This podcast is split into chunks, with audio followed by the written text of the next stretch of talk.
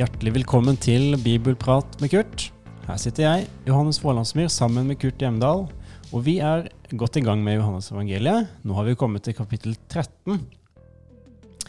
Og eh, Kurt, eh, kanskje du kan begynne med å si litt om kapittel 13. Hvordan passer det inn i, eh, inn i Johannes evangeliet? Hva er hendelsesforløpet her som vi, som vi følger nå? Eh, kapittel 13 er veldig viktig fordi det representerer på en måte begynnelsen på andre delen av Johannes evangeliet. Eh, frem til og med kapittel 12 så har vi vært i de tre årene som går foran Jesu død og oppstandelse. Så vi har fulgt Jesus i Galilea og Jerusalem. Nå markeres det veldig tydelig i inngangen til kapittel 13. Nå kommer det et skjebnesvangert vendepunkt. Det var like før påskehøytiden, og Jesus visste at hans time var kommet. Vi har hørt det flere ganger. Min time er ennå ikke kommet. Nå, sier Johannes veldig tydelig, nå er timen. Nå er det som alt hittil har siktet mot. Nå er det eh, fremme ved målet. Nå skal det skje. Vi er i klimaks. Mm. Kapittel 13 det er bl.a. kjent for fotvaskingen. Veldig, veldig, noen veldig kjente vers i Bibelen. Eh, og så tenkte jeg på de, de versene som kommer i begynnelsen, som du nevnte nå så vidt. Eh, det er en slags introduksjon som jeg lurte på. Hva er sammenhengen mellom denne introduksjonen og denne veldig kjente historien om fotvasking. Jeg skal bare lese det kjapt. Det var like før påsketiden, og Jesus visste at hans time var kommet, da han skulle gå bort fra denne verden og gå til sin far. Han hadde elsket sine egne som var i verden, og han elsket dem helt til det siste. Og så kommer de holdt måltid sammen. Og Da er det veldig interessant med vers 1, for på mange måter så kjenner du igjen denne litt ja, ikke bare litt, men veldig tunge, høytidelige stilen som du har i prologen i kapittel 1. I begynnelsen var ordet, ordet var hos Gud, og ordet var Gud. ikke sant? Det som var i begynnelsen. Og nå møter du igjen eh, noe av det samme. Det er helt tydelig, og nå markerer Johannes nå skjer det noe utrolig viktig. Og han markerer overgangen på denne måten og legger merke til de enorme dimensjoner vi er på påskehøytiden i Jerusalem, men Jesus visste at hans time var kommet da han skulle gå bort, ikke bare fra Jerusalem, men fra denne verden og til sin far. Altså grensen mm. mellom denne verden og den evige verden. ikke sant? Her markerer han en mm. veldig overgang. Mm. Og likedan, han hadde elsket sine egne som var i verden, og han elsket dem helt til det siste, eller helt til enden. Mm. Uh, en kjærlighet som ikke gir seg, som holder ut mm. også når den må yte det ytterste, nemlig livet sitt. Så, så der er en høytidelighet og en verdighet omkring denne inngangen som markerer her står vi overfor noe utrolig viktig, og igjen et, et dreiningspunkt i Johannes evangeliet. Jeg kunne egentlig også ha lest vers 2 og 3 i stad. For jeg tenkte, gjør det, gjør jeg tenkte, ja, jeg kan gjøre det. De holdt måltid. Djevelen hadde alt gitt Judas, sønn av Simon Iskarot, den tanken i hjertet at han skulle forråde ham. Jesus visste at far hadde gitt alt i hans hånd, og at han var utgått fra Gud og gikk til Gud. Og igjen veldig, en veldig tyngde, en veldig høytidelighet, mm. og disse enorme dimensjoner. ikke sant? Vi har akkurat møtt Sønnen, som elsker til det siste Faderen, og så møter vi nå djevelen. Og igjen, Jesus visste at far hadde gitt alt i hans hånd. Det er det enorme perspektiv. Hele tilværelsen, nå hviler den i Jesu hender. Det er ingenting som er holdt tilbake. Og vi står overfor den himmelske Far, og Jesus er altså midt i hans vilje og i ferd med å gjøre hans gjerning. Noen enorme linjer som går rett inn i evigheten, og som samtidig altså har sitt nedslag i tiden. Jeg har blitt fascinert av og Spennende å høre hva du tenker om det. At, at, du har på en måte dette her med at alt Faderen hadde gitt ham alt, og han visste han var utgått fra Gud. Altså veldig tydelig hvem han er, og hva han har fått. Hva er det neste som skjer? At han bøyer seg ned og så vasker disiplenes føtter. Det er liksom fra det høyeste av det høye til det laveste. Og det er ikke tilfeldig. Her bruker Johannes altså de stilmidler han har til å markere nettopp spenningen i Jesu person. Han er Gud, han er utgått fra Gud, han går til Gud. Han er den evige. Og så bøyer han seg ned og vasker svarte disippelføtter. Det er uhørt. Det er helt utrolig. Og, og det er en spenning her som nesten ikke er til å fatte, men som nettopp varsler det som nå skal skje i denne delen av Johannes evangeliet. For nå om et øyeblikk så går jo Jesus til korset. Det er ikke bare det han bøyer seg ned og vasker svarte disippelføtter, så utmykende det er. Men han er altså parat til å la seg henge naken på et korstre som en forbryter for slektens synd og for din og min skyld. Han, den evige Gud. Og dermed får Johannes altså igjen frem denne enorme spenning du har i prologen. I begynnelsen var ordet, ordet var hos Gud, ordet var, hos, var Gud, og ordet ble menneske, ble kjød. Han som var så høy, han steg så langt ned. Mm. Og nå er det egentlig akkurat det samme vi igjen opplever. Han nøyes ikke med å bli menneske, men han er altså det mennesket som utgir livet sitt på korset for vår skyld. Mm. Det er enorme spenninger og dimensjoner, og samtidig så er det altså nettopp det han er kommet for. Han, den høyeste, er kommet for å tjene og stiger dypest ned. ikke sant? For det er nødvendig om vi skal bli frelst. Mm. Så, så, her ser du kjærligheten utfolde seg, ikke i prat, prat og vakre følelser, men i offer inntil døden. Mm. Hvis vi går inn, litt inn i selve fotvaskingen, litt sånn historisk, Kurt. Uh, de gikk jo med sandaler, og da på støvete veier ble naturligvis kjempeskitne. Var det her en vanlig ting å vaske føtter når man gikk inn? Hvordan, Si litt om det her. Ja, ja. Nei, Det hørte med til gjestevennskapet. Når du tok imot gjester, så sørget du for at den ringeste slaven i huset han gikk rundt og vasket føttene, tørket dem over og fikk dem renset. For de kom, som du sier, nettopp fra støvede veier. De var skitne, de var varme, de var svette. Og så skulle man altså ha den behagelighet å få kjølig vann som sørget for å fjerne skittet og svetten, og gjorde at du kjente deg forfrisket i hele kroppen. ikke sant? Så, så det var et vanlig tegn på gjestevennskap.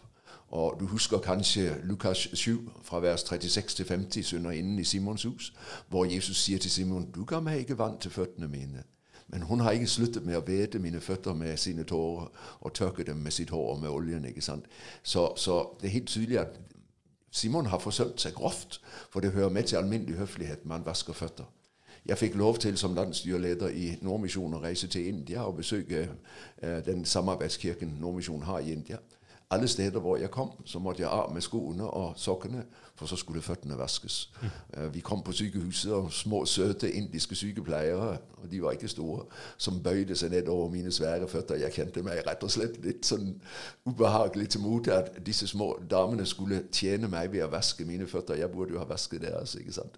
Men det var altså tegn på ærbødighet og gjestevennskap. Man ble tatt imot på den måten. Mm. Så dette er altså slavearbeid? Det er det. Og så er det Jesus som vet han er utgått fra Gud, og alt er gitt i hans hånd, eh, og som er disiplenes herre og mester. Det legger ikke Jesus skjul på. Denne og så bøyer han seg ned. Ja. Og det er helt tydelig. Her er ingen slaver til stede. Vi er i en spisesal hvor bare de tolv og Jesus er. Og Ingen av de tolv er villige til å vaske de andres føtter, for det ville være for ydmykende. Hvorfor i all verden skulle jeg gjøre det? Han kunne ikke så godt gjøre det for meg. ikke mm. sant? Med, med det resultatet at alle blir sittende og vente på de andre, ingen gjør noe. Mm. Og så reiser Jesus seg fra måltidet, binder om seg, og så bøyer han seg. Og du ser jo av det som så øh, kommer i den dialogen som følger mellom Peter og Jesus, at dette er meget ydmykende og ubehagelig for disiplene. For de vet jo med en gang dette burde jo vi ha gjort. ikke sant? Og så er det han, mesteren, som gjør det. Og Jesus gjør det veldig bevisst, for nå skal de lære noe. Mm. Uh, han har en dobbelt hensikt med denne fotvaskingen, som kommer tydelig til uttrykk i teksten som vi leser utover i kapittel 13. Mm. Det, det, du sa der, syns jeg var kjempespennende. For, altså, for det har aldri jeg tenkt over. at Kanskje det var nettopp det at det var ingen som kunne vaske føttene der, så alle står og kikker på hverandre. bare skal, Det er jo ingen av oss som kan gjøre det. også. Og så tar Jesus sjøl den oppgaven. Du kan jo tenke deg ja. hvordan de kjente seg. Ja, ja. Hva, hva, hva, hva, gjør han? Vi, mm. vi burde jo ha vasket hans føtter. ikke sant? Og plutselig så vet de altså at mm. uh, de er vitne til noe som er fullstendig utenkelig, og som egentlig er aldeles uh, umulig. Mm, at en herre vasker sine uh, disiplers føtter. som sagt, den ringeste slave. Det var den Lengst, altså Lenger ned på rangstigen kom du ikke enn å være den som vasket føtter. Det var liksom bunn i bøtta. Mm. ikke sant? Mm, og så gjør han det. Men det er jo nettopp som et tegn på det som venter. Fotvaskingen står ved inngangen til korsfestelsen og peker rett frem til Golgata og mm. sier han er kommet for å tjene. Så, så, også det Vi har jo sett dette med tegn i hele første delen av Johannes evangeliet. Nå gjør Jesus igjen et tegn, en tegnhandling, i det han bøyer seg og vasker føttene. Mm. Og så er det jo eh, Peters respons, da, det at eh, det her går han ikke med på. Og så svarer Jesus hvis jeg ikke vasker dine føtter, har du ingen del i meg. Og, og det, denne uttrykksformen 'har ingen del i', det er jo ikke noe vi bruker så veldig ofte i dagligtale. Hva, hva legger Jesus i det her? Nei, han legger i det at hvis ikke han får lov å rense disiplene, så har de ingen samfunn med ham. Så har de ikke fellesskap med ham. Altså Fotvaskingen er et uttrykk for dette, at han er den som sørger for å rense dem fra synd, så de kan være i Guds nærhet. Og skal de være i Guds samfunn, så må de være rene. Derfor er fotvaskingen også som et tegn, et uttrykk nettopp for det Jesus er kommet for, å bære våre synder opp på korstreet, så vi kan få lov å ha del i mm. Gud og være i samfunn med ham. ikke sant? Så denne hendelsen den, den peker fram mot korset, ja. men blir det ikke riktig å si at den også peker på hvordan vi som disipler skal omgås hverandre? Det kommer i neste omgang. Hvis du venter et øyeblikk, så kommer det i neste del av kapitlet. Når du er ferdig med, med Jesu ord og samtalen med Peter, så ser du at når du kommer over til vers 12, så begynner han å snakke om eksempelet. Men i første omgang, de uttrykkene som brukes i samtalen med Peter, mm. da er vi ikke der. Nei. Nå dreier det seg om dette med hvorfor Jesus vasker føttene. Hva er det mm. han sikter til? Den som vandrer i lyset, er ren. ikke sant? Mm. Nå kaller han dem inn i samfunnet med seg idet han renser dem. Jeg tenkte jeg skulle spørre deg om det, Kurt. For Jesus sier at den som er badet, er helt ren og trenger bare å vaske føttene. Dere er rene, men ikke alle. Altså det, altså vi er jo, er jo, her i den jødiske kulturen, som var jo veldig opptatt av dette med renselse og, og, og bad, bad, eller også vaske seg, og masse sånne ritualer rundt det her. Ja. Så sier Jesus uh, dette her. Ja. Hva hørte disiplene? Nei, Det spørs hvor mye de oppfattet det og da. Men det er helt tydelig, i hvert fall når Johannes forteller dette etterpå, så ligger det tydelig under at det som her skjer, det er et tegn på det Jesus er kommet for. Han er den som gjør ren. Og vi møter det igjen i kapittel 15. Der er alt rene på grunn av det ordet jeg har talt til dere. Så fotvaskingen er på en måte et synlig tegn på den renselse Jesus skjenker dem i det han lukker dem inn i fellesskapet med seg og tilgir deres synder. ikke sant? Han er kommet for å rense, og derfor dør han på Golgata. Så fotvaskingen eh, markerer de har del i en renhet som bare han kan gi dem. Og de trenger ikke vaske hele kroppen, for de er allerede rene. Har, de har vandret sammen med ham i tre år. De har del i hans nåde, i hans tilgivelse. Og den som er badet, de er badet gjennom samværet med Jesus, gjennom ordet hans. Mm. Han trenger ikke å bade hele kroppen, som Peter ber om her. Ikke bare benene, føttene, men hele kroppen. Nei, Peter, du er renset. Jeg har renset deg allerede. Du er tilgitt. Men du trenger stadig renselse. Og da er vi plutselig først i Johannes 1. ikke sant? Der som vi bekjenner våre synder, er han trofast og rettferdig. Mm. For da, da, tenker du på dette her med at den som er badet, trenger bare vaske føttene? Som er liksom den daglige bekjennelsen? Eller det, ja. Jeg er grunnleggende renset i den hellige dåp. Mm. I samfunnet med Jesus har jeg syndenes forlatelse. Men jeg faller daglig. Mm. Jeg hørte akkurat en omtale som hadde sagt at han trengte ikke å bekjenne synder, for han var jo fri.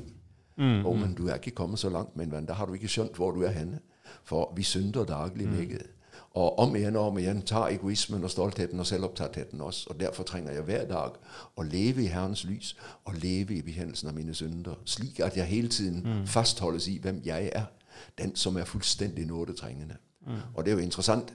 Grunnleggende har jeg fått nåden i dåpen, men jeg trenger stadig ny tilførsel av nåde og tilegnelse. Og hvordan skjer det? Der som vi bekjenner våre synder. Er Han trofast og rettferdig? Han tilgir syndene og renser oss fra all urett. Mm. Eh, og så kommer vi til dette med mm, at Jesus eh, gir disiplene her et eksempel på hvordan vi som kristne skal omgås hverandre. Og kanskje spesielt er jo mange som bruker dette her som eh, et eksempel på hva Jesus tenker om kristent lederskap, og hva som skal krist, prege kristent lederskap. Det er jo det apostlene han er sammen med, og, og de renses og så sier han samtidig at denne renselsen som dere nå har sett i det jeg har vasket føttene deres, den er også et eksempel. Jesus er både frelser og forbilde, og du møter begge deler her i kapittel 13. Mm. Og fra vers 12 så sier han, forstår dere hva jeg har gjort for dere? Dere kaller meg mester og herre, dere gjør det med rette, for jeg er det. Når jeg som er Herren og Mesteren har vasket deres føtter, da skylder også dere å vaske hverandres føtter. Jeg har mm. gitt dere et forbilde. Så her går en direkte linje inn til det hverdagsliv som venter etter Golgata. De var opptatt av hvem som var den største. Mm. Det har vi sett igjen og igjen i evangeliene. Og Jesus henter et barn og sier barnet er det største. Og nå sier han til dem når jeg nå har ydmyket meg så dypt, så har jeg samtidig sagt til dere det er på den måten dere skal tjene hverandre. Mm, mm. Vil dere være apostler, så er dere apostler ikke ved å herske, men ved å tjene. Mm. Det er i 1. Korinterbrev 1 at Paulus han avslutter kapitlet med å si jeg er ikke herre over deres tro, deres tro. Jeg er medarbeider på deres glede. Mm. Og det er et veldig interessant ord.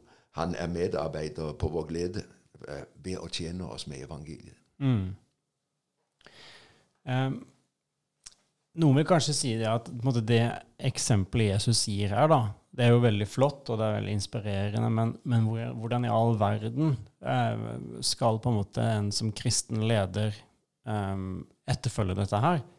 Um, fordi at det blir, Den som har lederansvar, han, han, han, må jo på en måte delegere. Han må gi beskjeder. Han må si 'gjør det, ikke gjør det'. Han, ikke sant? Og samtidig så skal være, være en som bøyer seg ned og vasker føtter. Hvordan, hvordan henger det her sammen? Og så tenkte jeg, Du har jo hatt mange ulike lederverv og lederposisjoner gjennom livet ditt, Kurt. Um, hvordan har du, liksom blitt Hvordan har du tatt denne teksten med deg? På den måten at jeg har bedt om nåde til ikke å bli høy på pæra for det ene. Og på den andre på den måten at jeg har våget å gå inn i de utfordringer som lederoppgaven har gitt. Og det har gitt meg mange lussinger. Jeg har vært nødt til å gripe tak i konflikter. Jeg har vært nødt til å stille meg åpen for kritikk. Og jeg er blitt skjelt ut så jeg nesten ikke visste hvor gammel jeg var. Flere ganger. Som leder. Av folk som var rasende for et eller annet, og som jeg representerte gjennom mitt lederskap i den eh, aktuelle organisasjonen. Så jeg opplever vel at det å være altså Vi ser det jo veldig tydelig i dag med politikerne som får alle disse uh, råtne meldinger på SMS, og som møter en masse uh, negativt gjennom disse åpne kanaler som vi har i vårt samfunn. Å si ja til å være politiker i dag, det koster. Fordi du må regne med at du kan komme til å bli utsatt for ganske hardkjør. Og akkurat det samme å være leder i en kristen sammenheng. Eh, det er ikke å løpe rundt og samle bravur og, og, og, og glorie og herlighet osv. Men det er jo å stå midt i de utfordringer som et lederskap gir, og ikke trekke seg unna, men våge å gå inn i det. Eh, og jeg har kjent trangen til å stikke av og vært nødt til å stille opp og, og blitt skjelt ut. Og måtte ta det i stiv arm uten å begynne å synes synd på meg sjøl. Og skjønt at ok, det er det det koster. Det er prisen. Mm. Jeg var la meg få lov å bruke et eksempel, jeg var forlagssjef i Luther Forlag på 90-tallet. Vi var nødt til å spare penger. Eh, dermed så måtte vi si opp eh, den som gjorde rent i forlaget. Vi hadde ikke råd til, de, til, å ha noen ansatte til det. Så jeg kalte sammen de ansatte, og så sa jeg til dem det er situasjonen. Hvis ikke vi skal gro ned i skitt, så er vi nødt til nå å ta vår oppgave og på den måten hjelpe hverandre til å leve i et ryddig og ordentlig forlag. Så jeg håper dere er villige til å ta en jobb enten med å støvsuge eller med å tørke litt støv. eller sånn. Og så jeg jeg skal nok ta toalettene.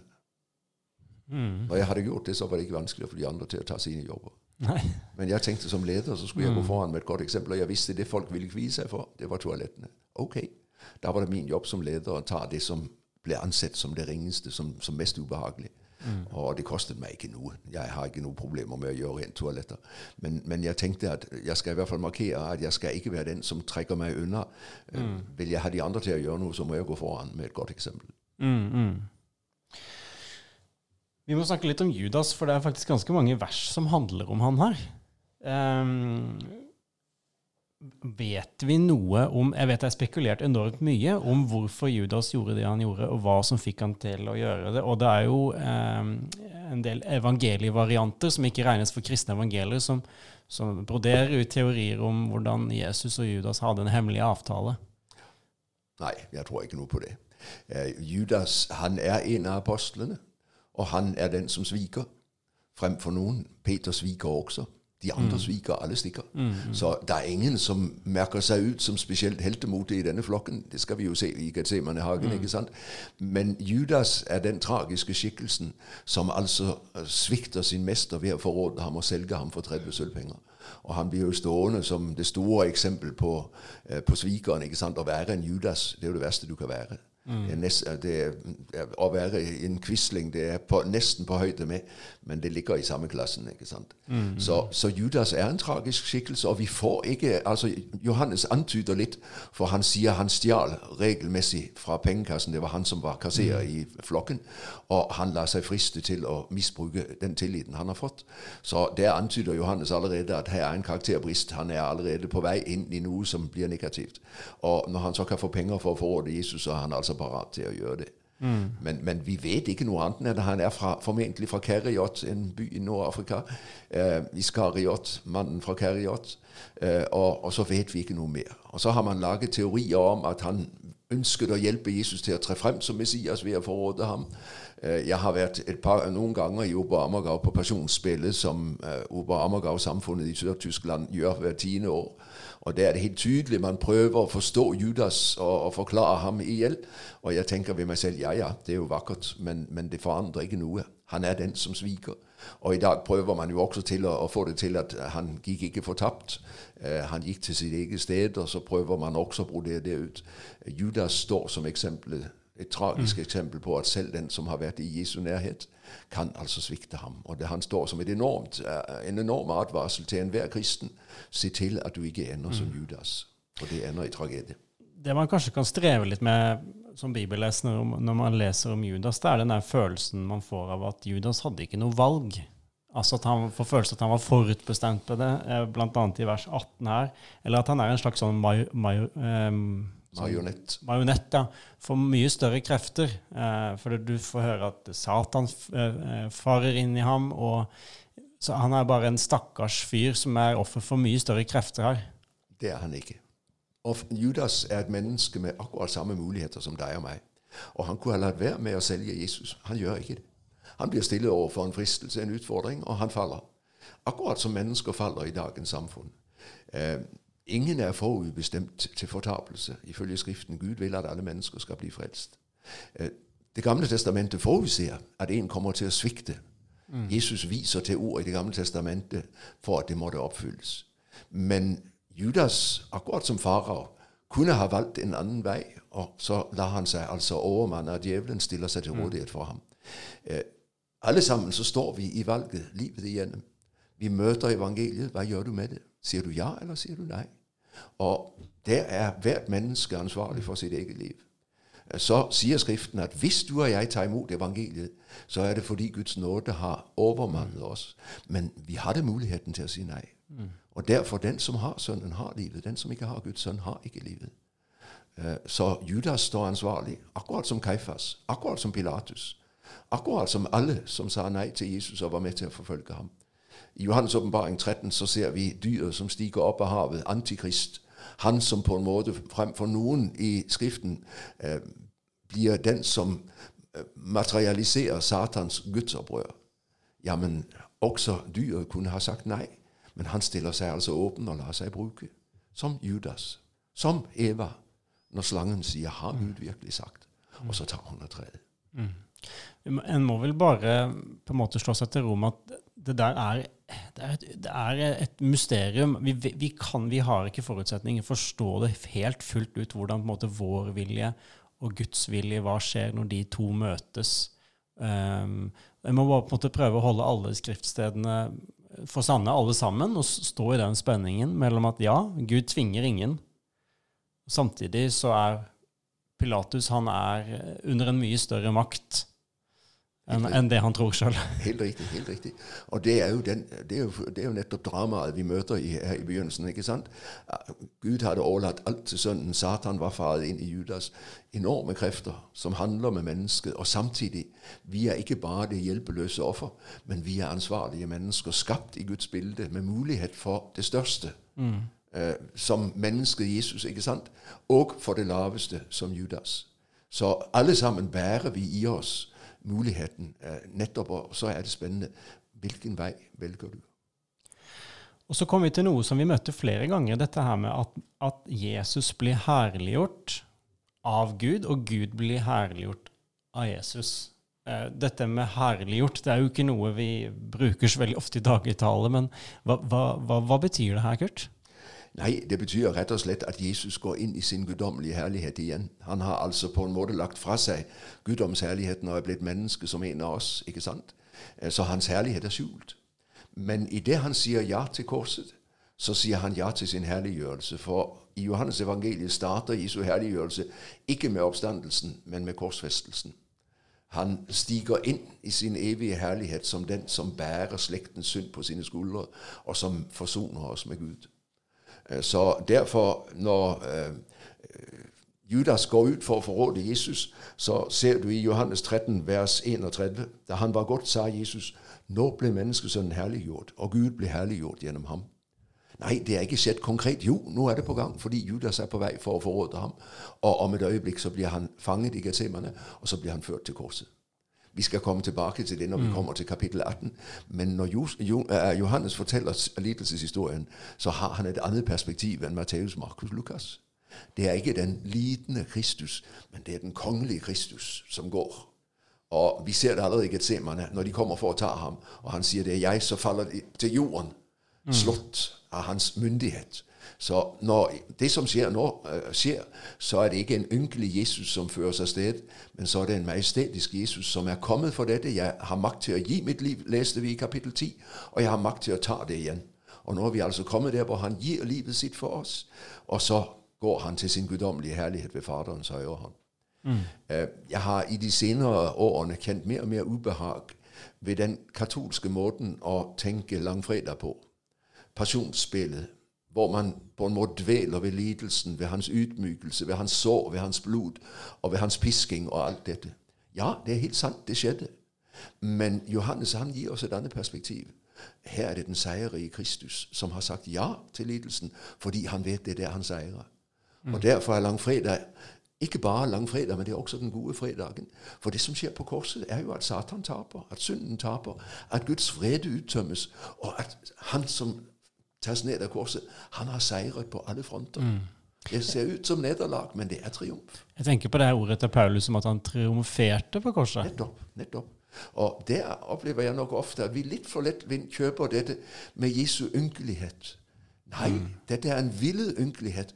Han er seierherre der han går til korset. Og det, mm. det, ser forferdelig ut, og det koster ham dyrt. Ja, det koster ham livet, men, men han går for å seire. Eh, helt kort, eh, Kurt. Jesus sier 'et nytt bud gir jeg dere', og jeg ser for meg kanskje at en, en bibelleser kunne stusse litt på det. For det, det, nye budet, 'dere skal elske hverandre som jeg elsket dere', det er jo, det er jo kjente toner, for å si det sånn. Men det er et nytt bud. For den gamle pakt sier du skal elske Gud overalt, og du skal elske din neste som deg selv. Men med Jesus har det budet fått et nytt innhold og en ny kraft. Og begge deler ligger der. Og nytt eksempel. Han, ja, mm. nettopp et nytt innhold. ikke sant? Det mm. eksempelet vi så med han som bøyer seg dypt ned. Mm. Dere skal elske ikke bare eh, sånn som vi ofte gjør med å være litt hyggelige, men dere skal være parat til å elske til det ytterste. ikke sant? Gi livet deres. Det klarer vi ikke av oss selv, og derfor er det et nytt bud. For han skriver det i våre hjerter ved Den hellige ånd. Mm. Han lukker oss inn i et livsfellesskap med seg selv, hvor kjærligheten ikke lenger bare blir et krav utefra, men blir en kraft innenfra Den hellige ånd som bor i oss. Mm. Eh, til slutt i denne episoden, Gert. Eh, helt til slutt så leser vi om at Jesus, altså Peter sier at han vil jo følge Jesus i døden. Eh, og så sier Jesus du vil gi livet ditt for meg. Sannelig, sannelig, jeg sier deg, hanen skal ikke gale før du har fornektet meg tre ganger. Uh, og en, litt sånn observant bibelleser vil kanskje tenke over uh, hva var det som sto fornekte meg tre ganger før hanen ga Men hæ? Er, står det ikke noe annet et annet sted? da? Jo da, det gjør det. Og så, Hvordan forholder vi oss til det her? Går det an å harmonisere ja, ja. det, eller er det sånn Ikke noe problemer. Men, men uh, noen av synoptikerne har den detalj at hanen galer to ganger. Um, det er helt tydelig at på Jesu tid så begynner hanegalet i Jerusalem meget tidlig. Og, og um, Derfor så har altså noen fått med seg den detalj at Jesus ikke bare sa han skal gale, men den skal til og med gale to ganger. Da har du fornektet meg tre ganger. Eh, så det er ingen motsetning. Johannes sier han gal, og han tar bare ikke med den detalj at han rekker å gale to ganger før Jesus altså har fornektet eh, Peter, tre, Jesus, Peter har fornektet Jesus tre ganger. Så jeg opplever ingen motsetning. Men noen er mer detaljert enn Johannes.